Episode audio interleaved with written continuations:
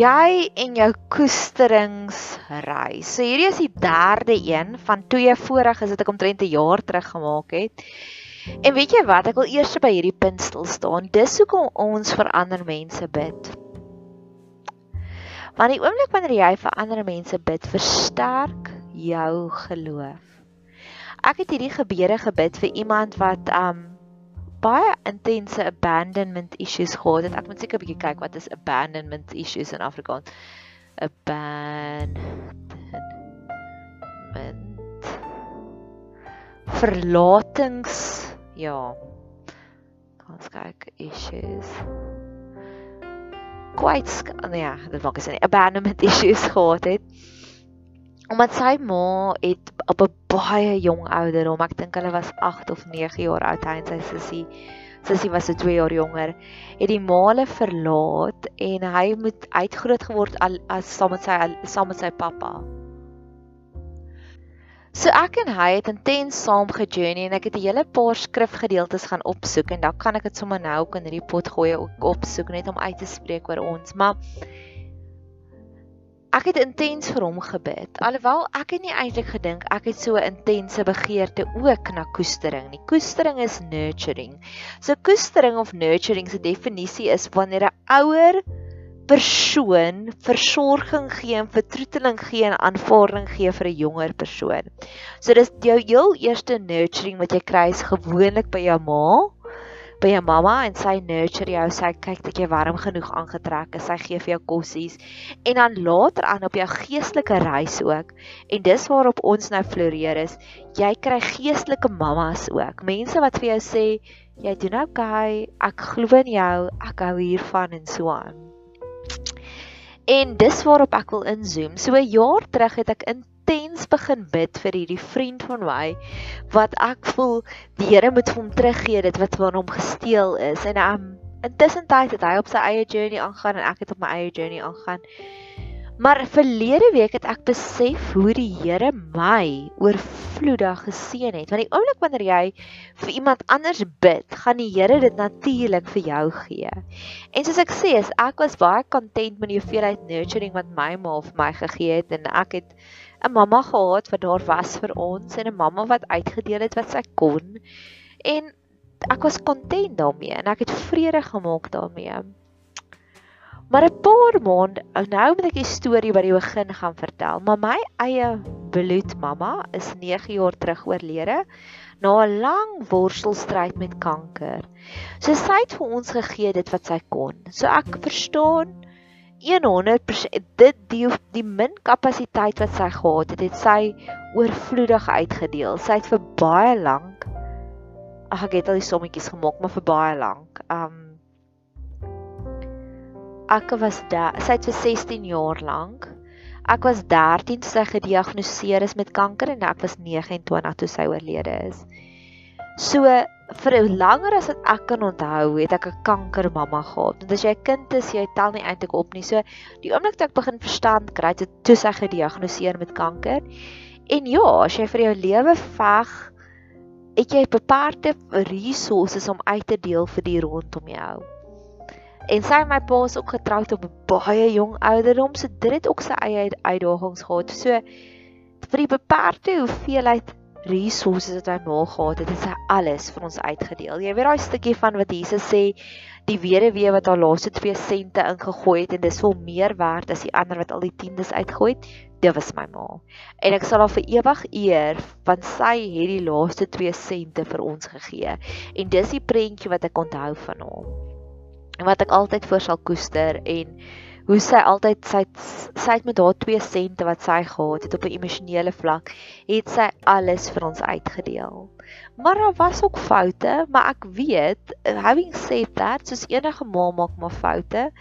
Ek weet sy het die beste gegee en sy het vir haar kinders geleef en sy het die beste gedoen vir haar kinders wat sy moontlik kon doen op daardie stadium.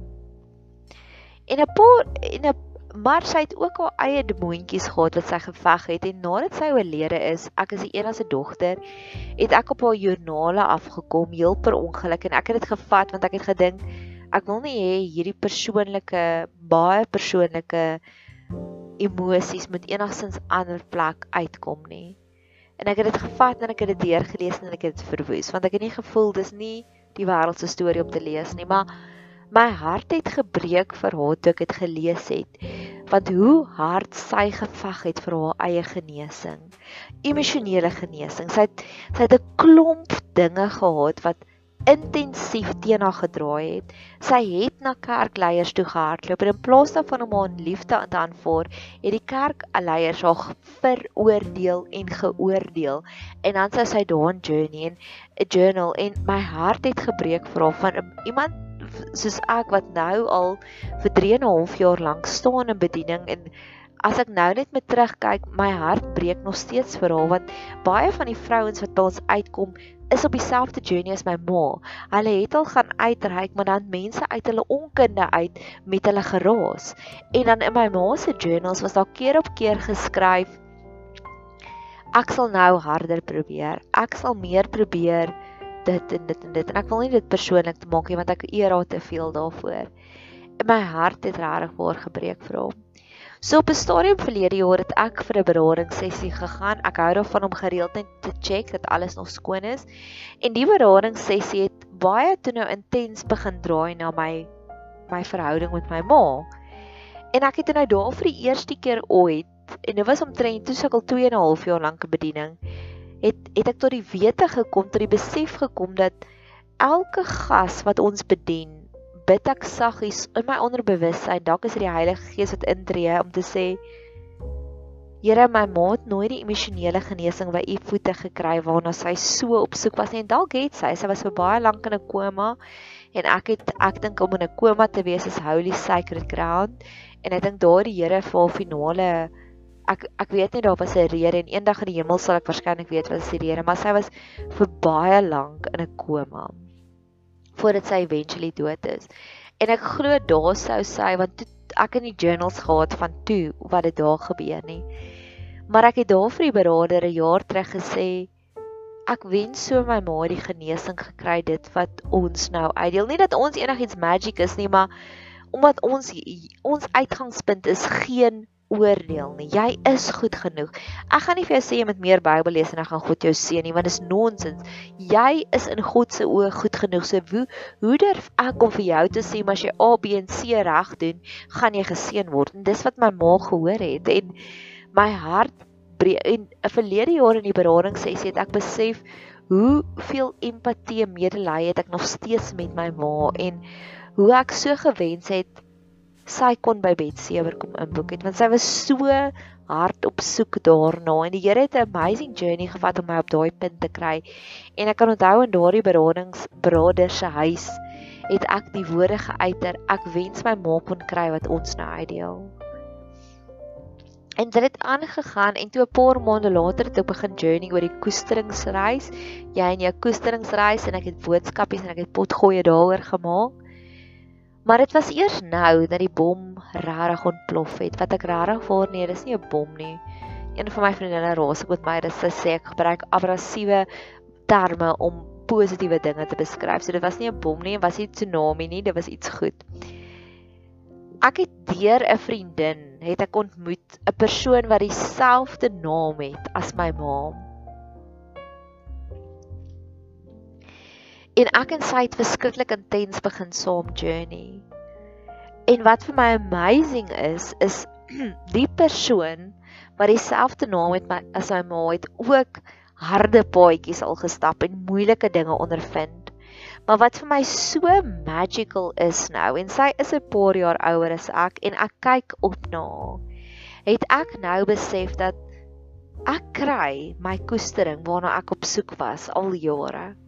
En dit is my so amazing en dis wat ek ver oggend vir haar gesê het, te sê ek vir iemand wat lost is, iemand wat verlore is, besef nie hulle is verlore nie, want hulle weet mos altyd waar hulle self is. En dis waar ek was voordat ek haar en ek en sy is letterlik vandag vir 3 weke lank intieme vriendinne. Van tevore was ons net kennisse, maar die dinamiek het so begin verander dat in die afgelope 3 weke het ek haar begin sien as my grootste cheerleader.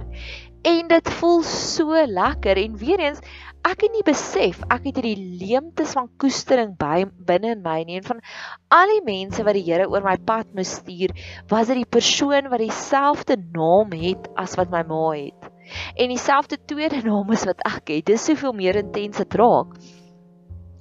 En dit is vir my so lekker om dit waarna ek onbewuslik op soek was my hele lewe lank kry ek oomblikke van oh, wow Wow, en sy gee vir my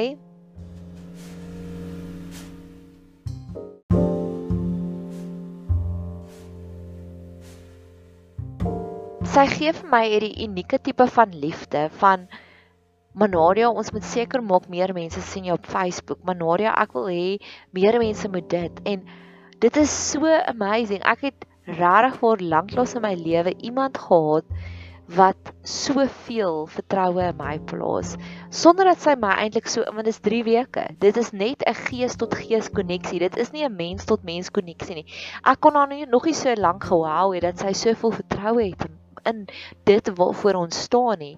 En ek het vir haar 'n boodskap gestuur verlede week. Toe sê ek vir dit voel so lekker dat daar iemand is wat groter drome droom oor my droom as wat ek kan droom.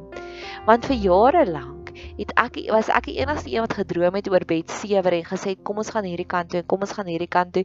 En daar was mense wat ander wat ander dinge gereël het wat awesome was, maar it's like a a, a breath of fresh air van hierdie persoon wat soveel groter drome droom as ek en hoe ons mekaar aanvul en hoe ons hierdie heeltemal 'n unieke dinamiek het. En dit het my laat terugdink om te sê Dawid skryf daarvan wat hy skryf, maar my moeder en my vader het my verlaat, maar U Here het my aangeneem. En vir die eerste keer verstaan ek dan volle daardie stukkie, daardie stukkie ten volle. En ek het al gejournal daaroor van 'n reïnkarnasie en ek weet ons as Christene is nie veronderstel om daaraan te glo nie, maar hoe plaas jy 'n label op hierdie intense emosie wat jy tans ervaar? En die Bybel praat self van Elisa wat gaan terugkom en Maleagi skryf van Elisa wat terugkom en Johannes die Doper word vergelyk met Elisa en net soos wat daardie eienskappe daar is, is hierdie persoon se eienskappe weer eens daar en dis iets wat ek nog nooit van tevore ervaar het nie. En dis 'n dis 'n pragtige reis want soos ek sê, ek weet my ma het die 2 sente wat sy gekry het, het sy ten volle in ons geïnvesteer en ek het soveel meer empatie vir haar en admirasie want ek dink daar's min vrouens wat soveel balle kon juggle soos my ma kon juggle en sy het dit so mooi gedoen. En ja, en hier kry ek nou die persoon wat dieselfde naam het as my ma. En sy bring vir my hierdie finale stukkie van legkaart wat ek nie eens geweet het wat weg was nie. Ek het nie eens geweet ek was soekend na iets nie. Ek het nie eens geweet ek het leemtes in my nie en sy kom en sy vervul dit. En ek glo dis wat gebeur in op 'n geestelike reis en dis wat gebeur wanneer jy intiem raak met die Here en ek journey nou juis saam met 'n jong dogter wat ook in so omstandighede is van haar mamma gee ook vir haar die 2 sente wat sy moet gee maar daar is leemtes. En ek glo as die Here dit eendag vir my gaan doen het gaan hy my gebruik en my toerus om dit weer vir ander te gee. Dis dis die rede hoekom ons deur goeters gaan is sodat ons kan voeding gee vir jonger mense rond, rond rondom ons So ek weet nie waar is jy op jou koesteringsreis nie. Dalk lewe jy in totale oblivion soos ek gelewe het in totale onkunde dat ek nie eens besef daar's leemtes binne my nie. Ek het nie eens besef ek's verlore nie. Dalk luister jy na hierdie pot gooi want jy het intense koestering nodig en ek wil vir jou sê die Here se stoorkamers is nie leeg met koestering nie en hy sal jou sokkies uitslaan of dalk le lees luister jy na hierdie pot gooi want jy het hierdie behoefte om koestering uit te deel en jy weet nie wat om daarmee te doen jy het al hierdie stoorkamers vol liefde maar jy weet nie waar om wat om daarmee te doen nie.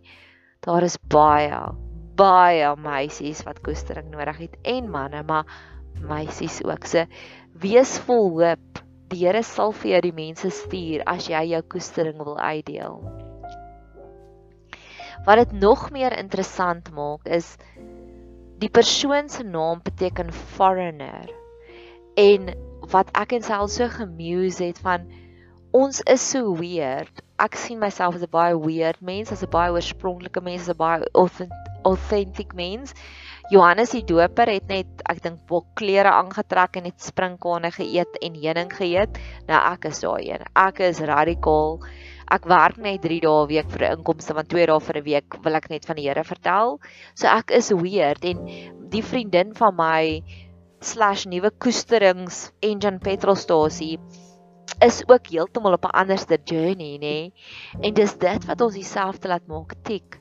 En ek wil afsluit met hierdie storie van ag oh, God is net so amazing.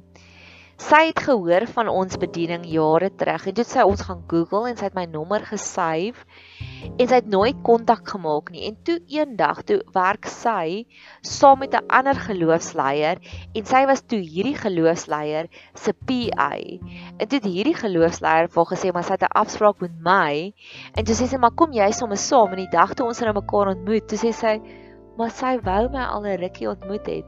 Die Here plan die begeertes in ons harte. Die Here al jare terug geweet het ek het hierdie behoefte wat ek self nog eers geweet het nie en hy het die behoefte in haar hart geplant om uit te reik na my toe. En weet jy wat die Here werk fantasties agter die scenes. Jy het nie 'n cooking clue waarom jy besig is elke dag nie. Hy's elke dag besig om jou lewe te orchestrate. Ken jy vir Andre Rio? Andre Rio wat daar voor staan en hy sê vir die viooltjie speel julle nou 'n bietjie en dan vir die um perkussie instrumente speel julle nou 'n bietjie en dan vir die cello speel julle nou 'n bietjie. Dis hoe die Here werk. En ons sit net in die gehoor en ons kyk net hoe pragtig lewe hy ons lewe uit.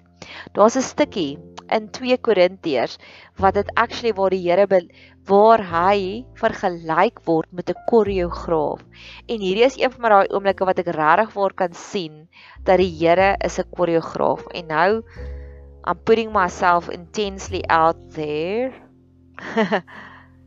okay, laat ons gou pause. Dan gaan ek gou vir julle lees. God, die koreograaf van ons lewe. So hierdie is 'n bietjie komplekse konsep net omdat daar gaan soveel lost in translation. So ek gaan begin by die Afrikaanse Bybel. 2 Korintiërs 9 vers 10 sê en mag hy wat saad verskaf aan die saaier ook brood verskaf om te eet aan julle saad vermeerder en die vrug van julle geregtigheid te laat toeneem.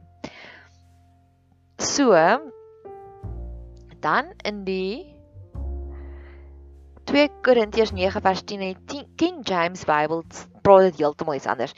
Now that he that ministereth bedien seed to the sower so met ander woorde die een wat dit uitdeel. Both minister bread for your food. So met ander woorde hoe jy die prentjie moet sien is daar is iemand onder wat die koestering kry. Dan sal iemand bo wat die koestering gee. En dan heel bo, die volgende stapie is dit God wat daardie koestering gee vir die koesterer wat die koestering uitdeel. Ek weet dit klink baie kompleks. Maar die persoon wat in die middel staan. So kom ons sê dis 'n kind, mamma, God. So die mamma kry haar liefde van God af en dan kan sy dit uitdeel iemand wat in 'n geloofsleier is, jy kry die geloofsdisipel, die geloofsleier en dan bo God. Maar daardie interaksie, nê, nee, tussen die dinamiek, die energie tussen die geloofsleier en God of tussen die mam mamma en God, nê? Nee, daai woordjie in Grieks is choreogo. To be a dance leader, that is to furnish or give minister. Hoe mooi is dit, nê? So God is regtig waar die koreograaf wat al die verskillende elemente in ons lewe plaas sodat ons kan uitdeel aan ander. God het my en hierdie eh, my nuwe geestelike mamma se lewe so gekoreografeer dat ons op die mees randoms maniere ewe kansig is random in Afrikaans maniere mekaar ontmoet het. Daarom kan ek saam met die Here sing want my moeder en my vader het my verlaat. Met ander woorde, die mense wat u biologies in my lewe geplaas het om sekere rolle te vervul, they didn't do it. En dis nie hulle skuld nie, ons vergewe hulle, maar die Here sal koreograaf soos Andrei Rio sodat jy die regte liefde moet kry wat na jou kant toe moet kom. Mag jy 'n geseënde koesteringsreis hê verder.